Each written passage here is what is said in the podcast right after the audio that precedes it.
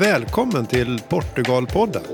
Podcasten för dig som ska besöka, flytta till eller som redan bor i Portugal. Jag heter Per Hed och tillsammans med mig träffar du andra svenskar och portugiser som bjuder på kunskap, tips och lärdomar från och om landet. Välkommen till ett eh, lite annorlunda avsnitt av Portugalpodden. Det normala formatet är ju att jag träffar någon eller några och har ett samtal kring en viss verksamhet, ett intresse eller en blandning helt enkelt. Men nu fick jag ett infall att spela in en lunch med en vän i Portugal. För det är ju så med vänner. Det är ju till dem man ställer alla de frågor och funderingar man har. Som man inte ställer till vem som helst. Och speciellt om man är i ett helt annat land. Jag måste fråga Anis. Är det någonting vi glömde att ta upp under vår lunch? Eh, det var det ju faktiskt. Jag glömde nämna att eh, portugisernas favoritdestination är ju faktiskt först och främst Algarvekusten. Så man håller sig inom landet? Ja, ofta så har man inte så mycket pengar tyvärr så man, så man kan resa utomlands. Det är många som aldrig har flugit till exempel. Så att um, de tar bilen och kör ner till Algarve. Jag förstår.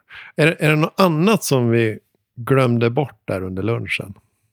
Ja, jag kom på att jag inte nämnde det absolut mest klassiska portugisiska efterrätten som är sötris, arroz doce. Eh, det är lite grann eh, som eh, rynsgröt med lite socker. En annan version på ris alla malta kan man säga. Mm. Med kanel. Den är väldigt god. Men det är inte så lätt att hitta den nu för tiden för att det är inte så många som gör den eftersom den är lite omständig att göra. Är det något annat sådär som du kommer på? Det här glömde vi. Uh, nej, inte direkt. Vi pratar om så många olika ämnen. En uh, sak, det vet jag att vi glömde Anis. Vadå? För det här är ju en lunch som vi börjar direkt prata om de här lokala maträtterna som kommer in. Men vem är Annis? Vem Oj. är du? Ja, ja. Uh, jag, uh, jag är uh, en portugisisk född typ adopterad, halvt adopterad svenska kan man säga. Jag ehm, föddes i Portugal, min mamma dog tidigt, pappa gifte om sig med en svenska som senare adopterade mig. Jag flyttade till Sverige när jag var nio, bodde där 23 år och flyttade tillbaka till Sverige och har bott nu här sedan 2010 och jobbar numera som eh, både mäklare och eh, assistent till eh, svenskar och andra nationaliteter som har flyttat hit. Det förklarar din skånska dialekt. Ja, jag bodde i Malmö då. Nu till avsnittet. Lunch i Portugal med Annis. Vi ska äta feijoada à montana som är en uh, böngryta. Riktigt mustig, ensmätt med ris. Och så ska vi smaka på lulas recheadas som är ett slags bläckfiskdjur som är fyllt av um, gotte saker. Nu kommer servitören. Si, ligger Det här med bröd och eh, oliver är det alltid så innan mat? Riktig portugisisk restaurang så brukar det vara det. De lite modernare kanske inte har det men eh, de klassiska har det alltid. Jag säga att vi sitter just nu på ja, Stamkrogen. Så nära hemmet man kan komma. Ja, det heter uh, Hörnets Taverna om man ska översätta det från portugisiska. Ah, nu kommer maten. Härligt. Graven. Vad har vi här nu då?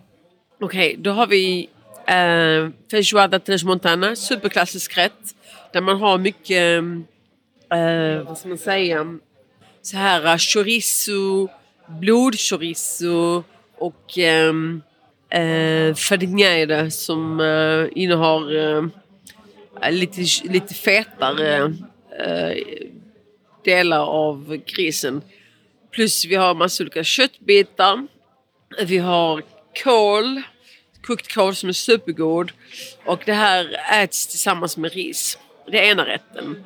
Och sen andra rätten har vi eh, eh bläckfiskliknande eh, djur som är fyllda med eh, så här, eh, jag tror att det är bläckfiskkött, jag är inte helt säker faktiskt. Men det är fyllt med någon slags eh, köttaktig fyllning som man äter tillsammans med ris. Och såsen är jättegod också. Soppa, det, är ju, det tror jag är en stor maträtt här. Ja, alla, eller många gör soppa. I- till och med på Ikea fanns det ju soppa att köpa. Ja. Det är väldigt vanligt att man äter soppa som förrätt. Nu, nu inte så mycket längre på restauranger men man, är definitivt vanligt att man äter till kvällsmat. Så nästan alla supermarkets har soppa som man kan köpa hem. Hur kommer det sig att man blandar ris och pommes frites? Ja, det är något speciellt som man gör. Alltså, jag älskade att komma till Portugal när jag var liten och, och äta på för att få äta ris och pommes frites. För det är en sån himla speciell blandning. Men eh, idag så äter jag inte det riktigt. Men eh, det, är, det är väldigt eh, uppskattat att äta den blandningen. Jag vet inte varför. Varför man gör det. För den klassiska maträtten på Ikea med, med köttbullar, potatis och brunsås och lingonsylt. Här i Portugal så är den ersatt med köttbullar, ja. Och du får välja hur många du vill ha på samma sätt som i Sverige. Men sen är det ris, pommes frites och broccoli till. Är klassiskt portugisiskt. Kan inte bli mer klassiskt än så. Ja, det gick ju ner liksom. Men, ja, Ris och potatis. ris och eh, potatis, eller po- pommes frites. ja. Nu var det här. Nu var det här en Ja, nu ska vi till eh, portugisisk gryta. rejäl eh, så här eh, arbetarmat. Ska jag hälla upp riset. Obrigada Fufus. Och det här, vad hette den nu igen? Feijoada a transmontana. Man kan säga bara feijoada, alla vet vem det är. A transmontana tyder på att den har eh, jättemycket så här fyllda chorizokorvar.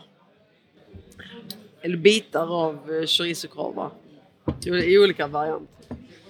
Och det här, den där då, det är den här varianten av eh, den här brasilianska grytan som jag beskrev. Ja, portugisiska, ja fast eh, jag tror det börjar med den, ganska säker på att det börjar med den portugisiska och sen så gör brassarna sin egen variant. För det här har ju funnits i, ja, jag kan tänka mig att det har funnits i århundraden. Sen uppskattar jag att allt är... Det är inga... Eh, vad heter det? Halvmesyrer. Allt är ju lagat från grunden. Halvfabrikat tänkte jag på. Det är inga sånt utan här, Ja, Här- inte feijoadan. här känns det som att den här restaurangen har gått ut på bakgården och hämtat kolen ungefär. Den här är god. Den här ska smaka. Se om jag hittar inte mig. Den är lite fettig men den är god. Mm. Varsågod. Växte du upp med den här typen av mat? Ja, det gjorde jag. Farmor hon äh, lagade... Eller så här är det. I Sverige så är vi så himla vana vid att vi lagar bolognese och äh, att vi lagar... äh, att vi käkar pizza till exempel. Och att det är så himla mycket mat som vi äter som inte är äh, husmanskost. Här så kan mammor nästan ingenting. De kan bolognese, okej. Men de kan nästan ingenting förutom portugisisk husmanskost. Så att eh, det var vad jag var uppvuxen på liksom. Och det finns hur mycket som helst. Det finns hur mycket som helst. Är det här någon, någon säger en portugisisk variant på falukorv och potatismos? typ? Eller fiskpinnar? Ja, alltså du menar så klassisk? Ja, Ja, oh ja. Det här är uberklassiskt, verkligen. Gud vad spännande! Ja. Vilken annorlunda korv. Ja, de har verkligen olika här. Det här är de tre varianterna. Blodkorven, den är... Nej, förlåt. Det är vanlig chorizo, blodchorizon och den här fettiga varianten. Som jag inte riktigt vet vad den innehåller. Och så är det då jättemycket kål och röda bönor. Och bönor är ofta i maten. Mycket bönor. Portugiser älskar bönor. När jag kom till Sverige så förstod jag först inte varför alla barnen tyckte att det var så äckligt att jag gillar bönor. Jag sa det.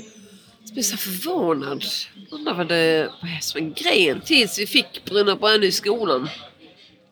Jag fick smaka den här sötsliskiga saken av sönderkokta bönor. Så tänkte jag, är det det här de tycker bönor, då förstår jag att de hatar det.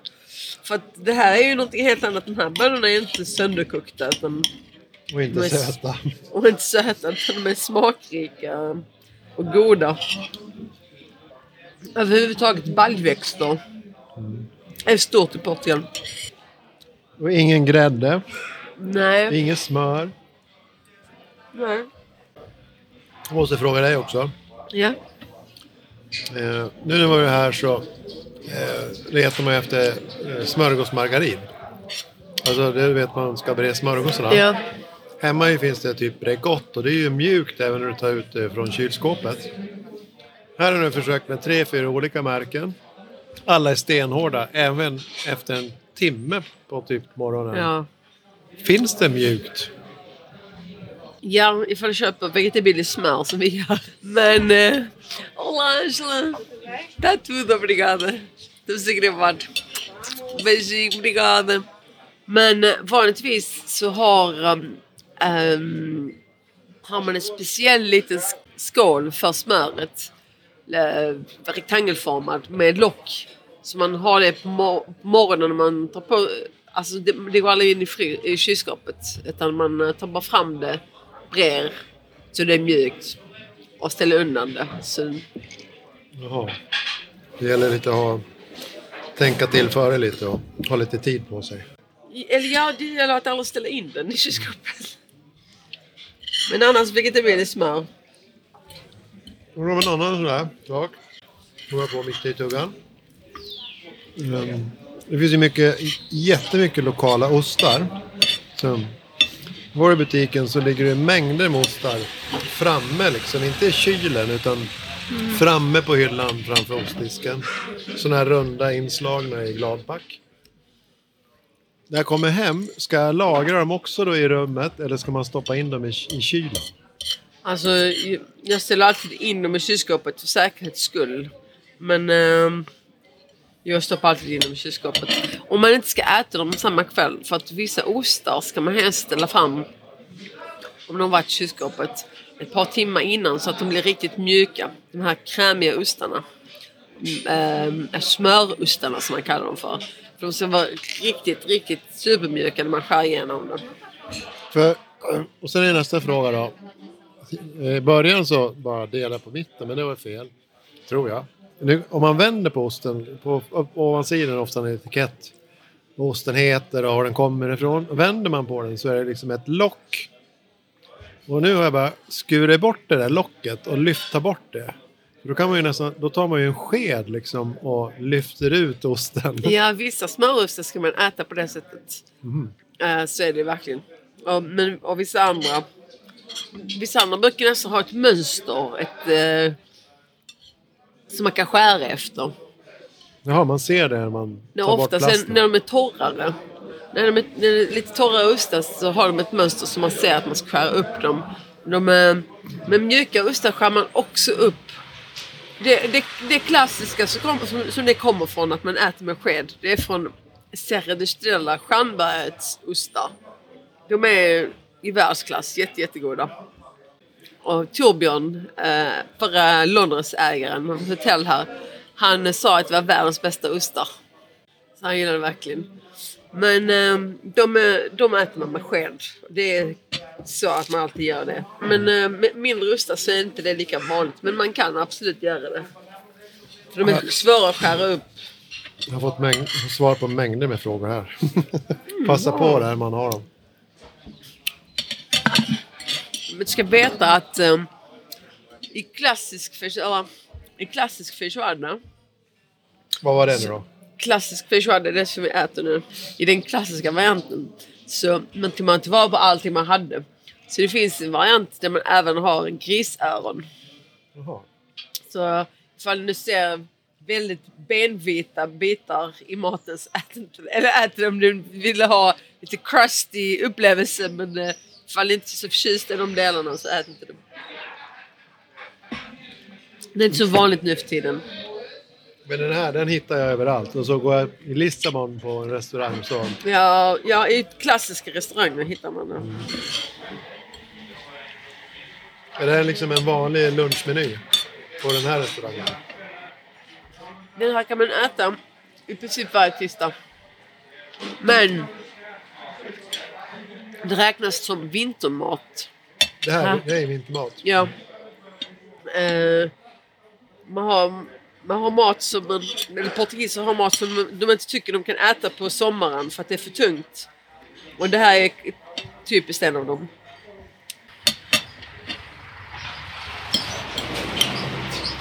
När vi sitter här nu då i slutet på mars och det är 25 grader varmt. Är det här vår eller tycker man att det fortfarande är vinter? Är precis början på våren. Början på våren Ja. och då är det 25 grader och strålande sol. Härligt. Men eh, stranden är säkert full av människor redan. Sommar, sommar är över 30 grader. Det är det de flesta svenskar inte tycker om. Jag brukar nog vara i Sverige och njuta av eh, härlig midsommar och härlig svensk sommar och sådär. Med jämna 25 grader. Men vad åker, om en portugis åker, vad åker man då? Eh, många portugiser åker till exempel till Kap Verde. Eller åker och besöker, eh, åker och besöker städer som Paris, Rom, Barcelona. Ehm, ja, Ja, det måste det ju vara. Alltså någon av dina portugisiska vänner har besökt eh, Sverige med dig i typ Malmö. Har det hänt? tyvärr inte men det visar sig att de har velat besöka Malmö länge. Men de tycker inte jag har bjudit. Och då känner jag att det här är en sån här stor miss, liksom, kulturmiss där jag missade. För de tycker att de har insinuerat att de vill komma. Och då förväntar de sig en inbjudan. Och då menar jag på att jag är hemskt ledsen om jag inte har bjudit in er officiellt. Jag utgår från att vill ni komma så är det klart att ni är välkomna. Men eh, de vill komma men vi har, inte, vi har inte gjort det nu. Så jag tänkte planera in kanske nästa år. Att, ehm, att eh, åka med dem, eh, ta dem till Sverige kring midsommar. Kanske åka, i, åka upp till ehm, området kring Bromölla, Sölvesborg får se riktig midsommarfirande med klass, traditionella kläder och dansandet kring midsommarstången och hela den biten. Och eh, ta några dagar i Malmö och visa visar dem runt. Vad annars en... en eh, jag kan förändra men, Typ för en, eh, någon som bor i Lissabon. Är, är det det ett, ett, ett semesterställe då? Sommarställe, plats? Många som bor i Lissabon, eller många som har hus i städer bor i Lissabon och åker dit på helgerna. Över, överhuvudtaget så är det städer ett ställe dit portugiser åker på sommaren. På, på helgen menar jag. Är det städer är ett ställe dit portugiser åker över helgen för att äta gott, titta på utsikten, gå runt, kanske bada. Och jag märkte det. Det var i söndag att man var ute och cyklade lite. Byn är fullt. proppfull. Ja. Och all, alla åker bil också och ska försöka leta på en parkeringsplats mitt i smeten istället för att ja, gå kanske 500 meter eller en kilometer. Nej, nej, nej. Vi ska åka in med bilen. Ja, jo men så är det ju. Folk kommer långt ifrån och det är omständigt med bussar. Man måste ta sig in till Lissabon och sådär. Ja, åker jag till Lissabon så försöker jag göra det en veckodag. Och, och då är inte restaurangerna lika fulla heller så det är inte så omöjligt att få äta något riktigt gott på ett ställe. Så att, eh, nej jag vet, det är verkligen för mycket folk på för liten plats på helgerna. Det är lite grann som Sintra har blivit. Sintra är ju nästan omöjligt nu för tiden att besöka slottet eller Quinta de Regaleda som också är jättepopulärt. Um, där man eh, en gång i tiden hade så här um, riter för uh, initiering i olika dolda eller secret communities och sådär. Uh, det är ett jättespännande område. Men eh, det är så långa köer och de har, det har blivit så dyrt. Så att eh, det, det är nästan inte lönt liksom. Det är verkligen omständigt. Jag var dit för någon vecka sedan. Det var en lördag eller söndag. Men jag har gjort misstaget förut att åka dit ja, när, när det var öppet någon timme. Men nu var kravet att vi åker dit så är vi där typ minst en halvtimme innan de öppnar. Ah, Och då gick det bra. gör bra. Bra tips. Och sen när vi var klara ja, kring lunch typ och vi ska åka därifrån. Då var det ju panik utanför med alla som letar parkeringsplats. Och, ja, det, är inte så, det är inte så mycket stort område utan den här vägen som slingrar sig upp för berget mer och mer och mer. Och alla vill liksom, ja men det finns nog en parkeringsplats lite längre fram. Häst vid dörren. Och sen helt plötsligt så passerar man entrén och inte har någon eh, parkeringsplats. Och då börjar det gå ner för igen mot byn. Och då måste man köra en himla runda. Ja, är det Det bara här är. På nästan 40 minuter. Ja. Ja, det var. Nej. Ja, på tal om Sintra så finns det en... eh, det här är faktiskt en himla pärla. Men eh, vi får lov att inte berätta det för så många. Det finns en medieval pub. Ett medeltida pub. Där de har kläder från medeltiden och där de har mjöd. Jag vet inte, vi, vi har inte varit där nej. Eh, de har kanske fem, sex olika sorters mjöd. Varav den ena är superstark. Det är drakens eh, blod eller något liknande. Så har de eh, månvatten och olika, olika namn till exempel. Sådär. Eh, och uh, de har en liten häxbutik på ovanvåningen och de brukar ha medeltida band, eller band som alla medeltiden som spelar där på helgerna. Det är supermysigt. Och de har jättegod mat när man ber om så här ostbricka och deras toast är jättegoda. Och så finns det alltid plats utanför. De har katter som går där som man kan klappa. Det är supernice. Och värsta utsikten. Det ligger precis vid Quinta där Galera. Istället för att stanna och gå till Quinta Galera så kör man, så kör man till höger, kör längre ner, längre ner, längre ner. Till slut stannar man, parkerar någonstans. Och sen så går man tills man hittar på vänster sida ingång. Och så får man leta sig vidare. Det finns inte många andra ingångar där på vänster sida. Låter som ett ställe som inte ens finns med på Google Maps. Det är hemligt! hemligt, hemligt. Men det är supernice. Är det kocken där som sitter på andra sidan? Ja, det, det är Nella. Det är Nella. Det är Nella. Ah, Nella. Tyckte du maten var god så kan Ja. du... får säga det på portugisiska. Tackar för maten. Uh, Nella agradece pela comida. Tummen upp det fungerar i Ja. alla länder tror jag. Jag tror det också. Eller kanske finns det något land där tummen till upp är dra åt helvete eller sånt där? Ingen aning. Indien så tack, säger man ju nej med huvudet sida mot sida och ja genom att neka som vi gör i väst. Jaha. Så det där är det enda som... Det kan bli lite fel vad jag vet men tummen upp det, det bör funka. Jag jag kan ju förstå att det här är vintermat för det är mäktig mat. Det är tung mat ja. Eh, Man, man vill oavsett, liksom... oavsett tid på året. Alltså, man ska jämföra med i svensk, ja, typ tjock pannkaka eller sånt där stabbigt. Ja. Någon Eh, riktig mastig mastig. gryta. Eh, ja, riktig alltså, arbetarmat. Det här är... eh, Det är väl så långt från en liten salladsbuffé bara som du kan tänka dig. Men det är ganska nyttigt. Alltså det enda som är onyttigt här det är de här chorizo-korvarna. De kan ju, man ju lätt peta åt sidan liksom. Eh, det är massa grönsaker, bönor och uh, kålen är ju, hälsosamma. Och köttet är inget speciellt fett kött. Så att, eh, Det är mer så så att farligt. här har man tagit vara på varje del av djuret. Så Ja. okej, vad gör vi av det här då som vi inte kan göra något annat av? Ja, vi stoppar i den här grytan. exakt. Och det är ju jättebra. Överblivna, överbliven grytan.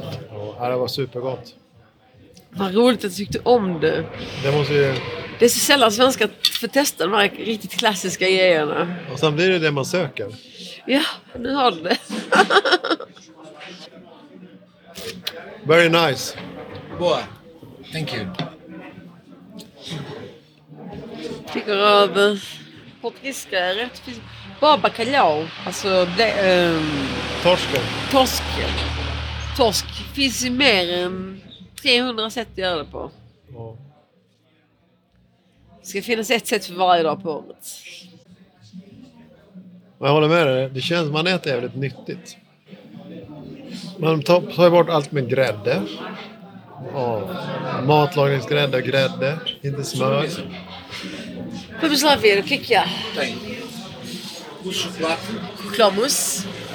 laranja.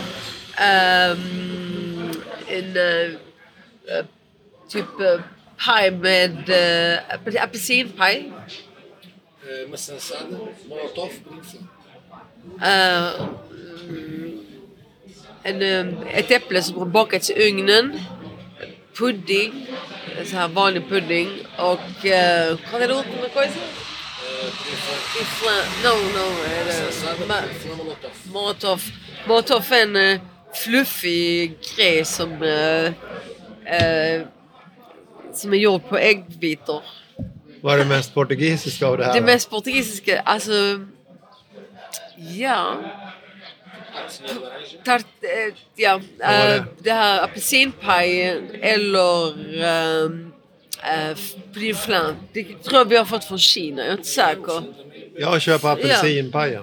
Ah, então o tarte de laranja, o aleu e para mim pode ser. Uh, para mim pode ser. Uh, pode ser de flan. Jag intervjuade ju de här, det här paret som åkte i husbil. Ja. Eh, Och de hade varit, nu kommer jag inte ihåg vad den här byn stan hette, men de hade, där var det i alla fall apelsinfestival en vecka. Oj! Så det var Wow. apelsin överallt. Det finns jättemånga sådana fester eh, runt om i landet där man firar olika saker.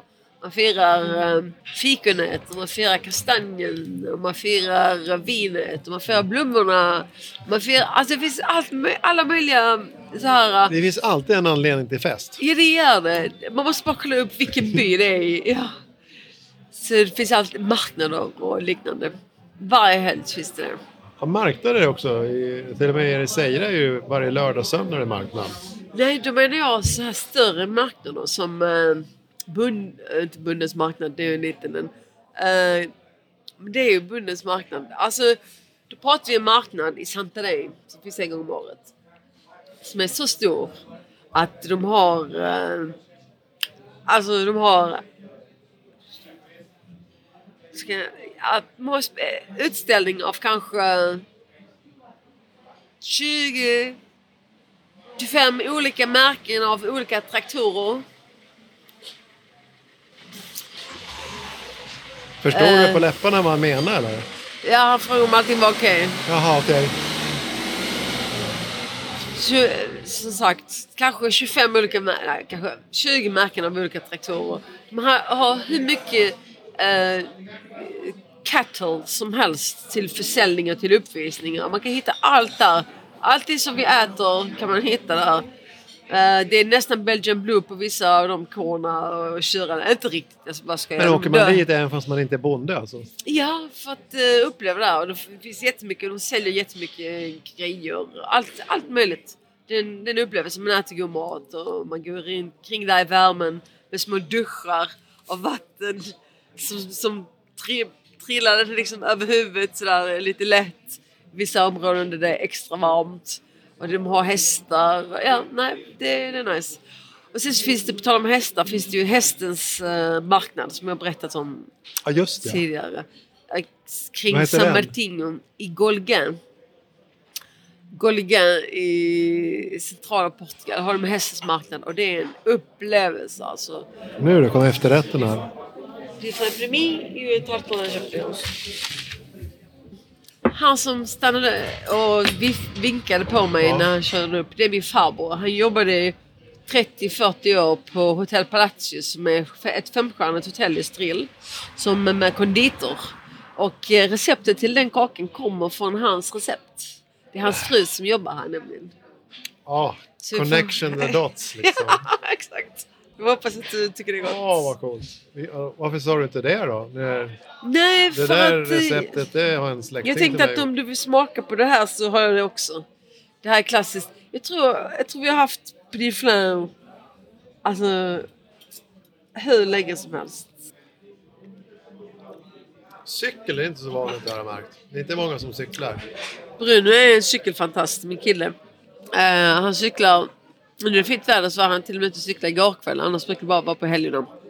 Men eh, det gäller att man kan cykla ordentligt. För att det finns så många extrema uppförsbackar. Så att jag får gå med cykeln upp. Så att jag är inte värdig till att följa med på cykelturerna.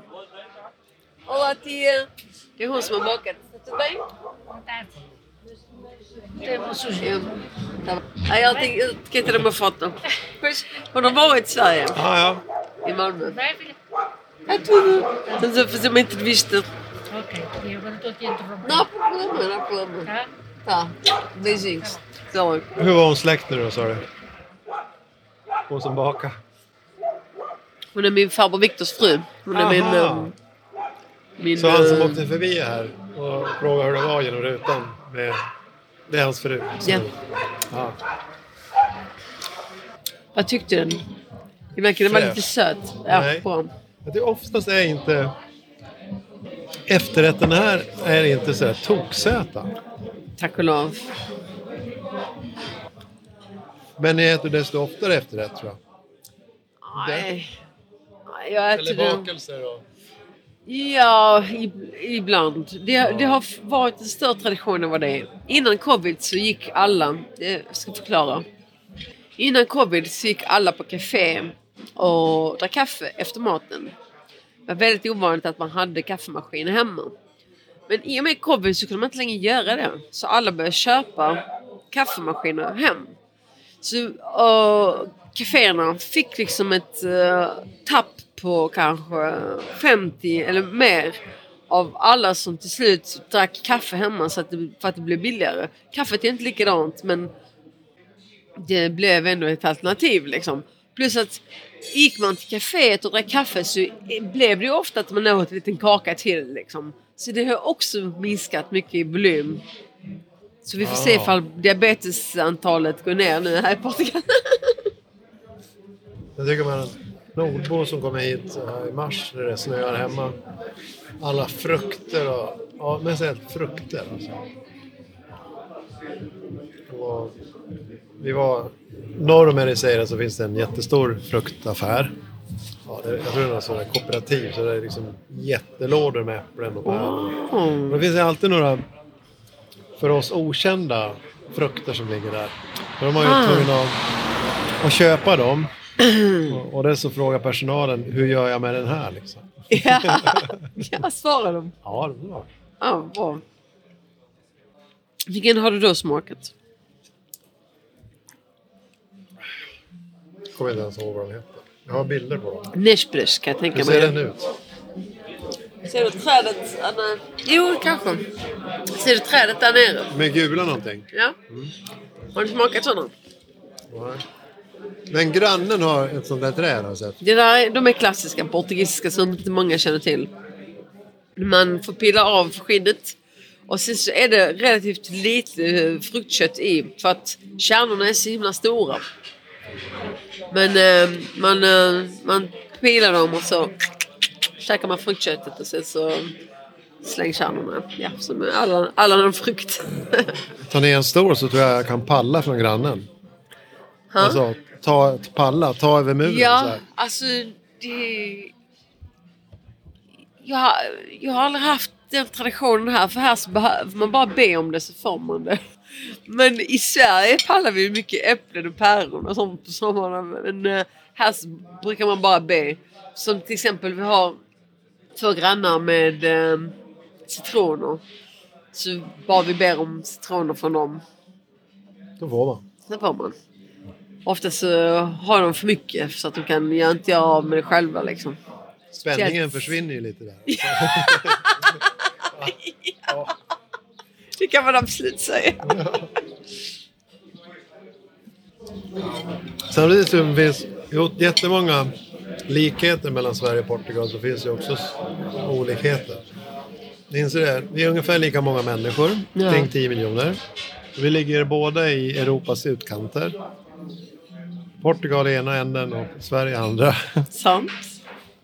Jag kollar, Lissabon är ungefär lika många, lika många invånare bor i Lissabon som i Stockholm. Okej. Så det finns lite likheter. Ja, nej men absolut. Ni är mycket, mycket bättre att spela fotboll. och vi är bättre i hockey och längdskidåkning. Ja. Vet du förresten om att uh, uh, rullhockey är jättestort i Portugal? Rullskridskohockey, Ja, typ. visste det? Det är fortfarande stort. Inte lika, alltså inte lika stort som det var en gång i tiden men eh, vi har fortfarande lag som tävlar i det i Europa och sådär. Fanns det när du var barn? Typ? Ja, oh ja. Eh, de tyckte det var jättemärkligt när jag sa att jag åkte rullskridskor. För det gjorde man bara ifall nästan... Då, när jag var. Det gjorde man nästan bara ifall eh, man eh, åkte rullskridskohockey. Ehm, men eh, jag körde mycket det i Sverige. Liksom. Men det, det är en sport som, som är giltig här. Liksom. Vad coolt. Jag visste Ja. inte ens om att det fanns en sån sport. Nej, det finns. ja. Däremot ser man ju på sportkanalerna. Man försöker hitta någon kanal där de pratar engelska. Ja. Det är det viktiga. Och det är ju jättemycket sportkanaler. Ja. Otroligt många. Och det är fotboll på nästan alla. I Ja, det är helt otroligt vad folk kan kolla på fotboll här. Det är, det är för mycket. Alltså, det är vårt favorithag. Jag brukar alltid se till att det spelas musik där genom att jag tar med mig min egen lilla högtalare som ger ganska bra ljud och sätter på musik. Och jag har sagt till dem flera gånger att de kan väl köra musik på tvn liksom eller något. Men eh, då är det alltid någon gubbe som sitter där och ska kolla på någon jävla match. Och det körs matcher efter matcher efter matcher. Alla konstiga, udda matcher ska de inte se på tv. Frustrerande. En typisk eh, bakgrundsljudgrej Ja, på en portugisisk bar eller restaurang. Man har stor tv med fotboll på. ja. Jo, det är sant. Och sen kan det vara, vad heter det då? Inomhusfotboll eller på gräs som vanligt. Det. det spelar inte så stor roll. Vad mätt jag blev. Ja, vad gör med? Jag tänkte om du vill smaka på den. Det är, det är en riktig klassiker. Och det här är då Puddingflan. Um, pudding. med någon kola, nej Ja, det apelsinsås. var karamell. Den ska man... Är det en farbrors fru som gjort den också? Jag vet inte. Jag skulle tippa på det, men inte säker. Men surfing, är det, är det stort här alltså? Det är det som man gör eller? Det har blivit så otroligt, otroligt stort. När jag flyttade hit så fanns det knappt uh, medelstora surfbrädor att hyra ut. Så det fanns, uh, fanns träningsbrädor, det fanns små brädor för de som redan kunde. Och eh, jag släpade med mig mina kompisars eh, avlagda brädor som var lite hål i, som inte var, var helt var bra men som jag kunde använda för att surfa. Och gav mig iväg till Gish som är bland de värsta stränderna att surfa på. Och kämpade. Tills eh, jag insåg flera år senare att det finns Carcavello-stranden som är perfekt för nybörjare. Och ehm, eh, allt eftersom tiden gick så blev det fler och fler svarta prickar i havet av surfare. Nu är det fullt. Så det finns till och med ett universitet där man kan ha surf på schemat. Coolt. Kommer det kaffe sen här också eller? Ja, Eller- man får kaffe. Är det alltid så man tar kaffe? Ja, om man vill. Man behöver inte. Men är det portugisisk grej alltså? Ja, man tar kaffe. Och då inte någon stor kopp balja med americano utan då är det en liten espresso. Och eh, för de som inte dricker kaffe så finns det decaf. Har du någon kontakt, tips eller idé på någon jag borde träffa för en intervju och ett samtal? Tipsa mig gärna. Du hittar mina kontaktuppgifter på portugalpodden.se. Tack så mycket.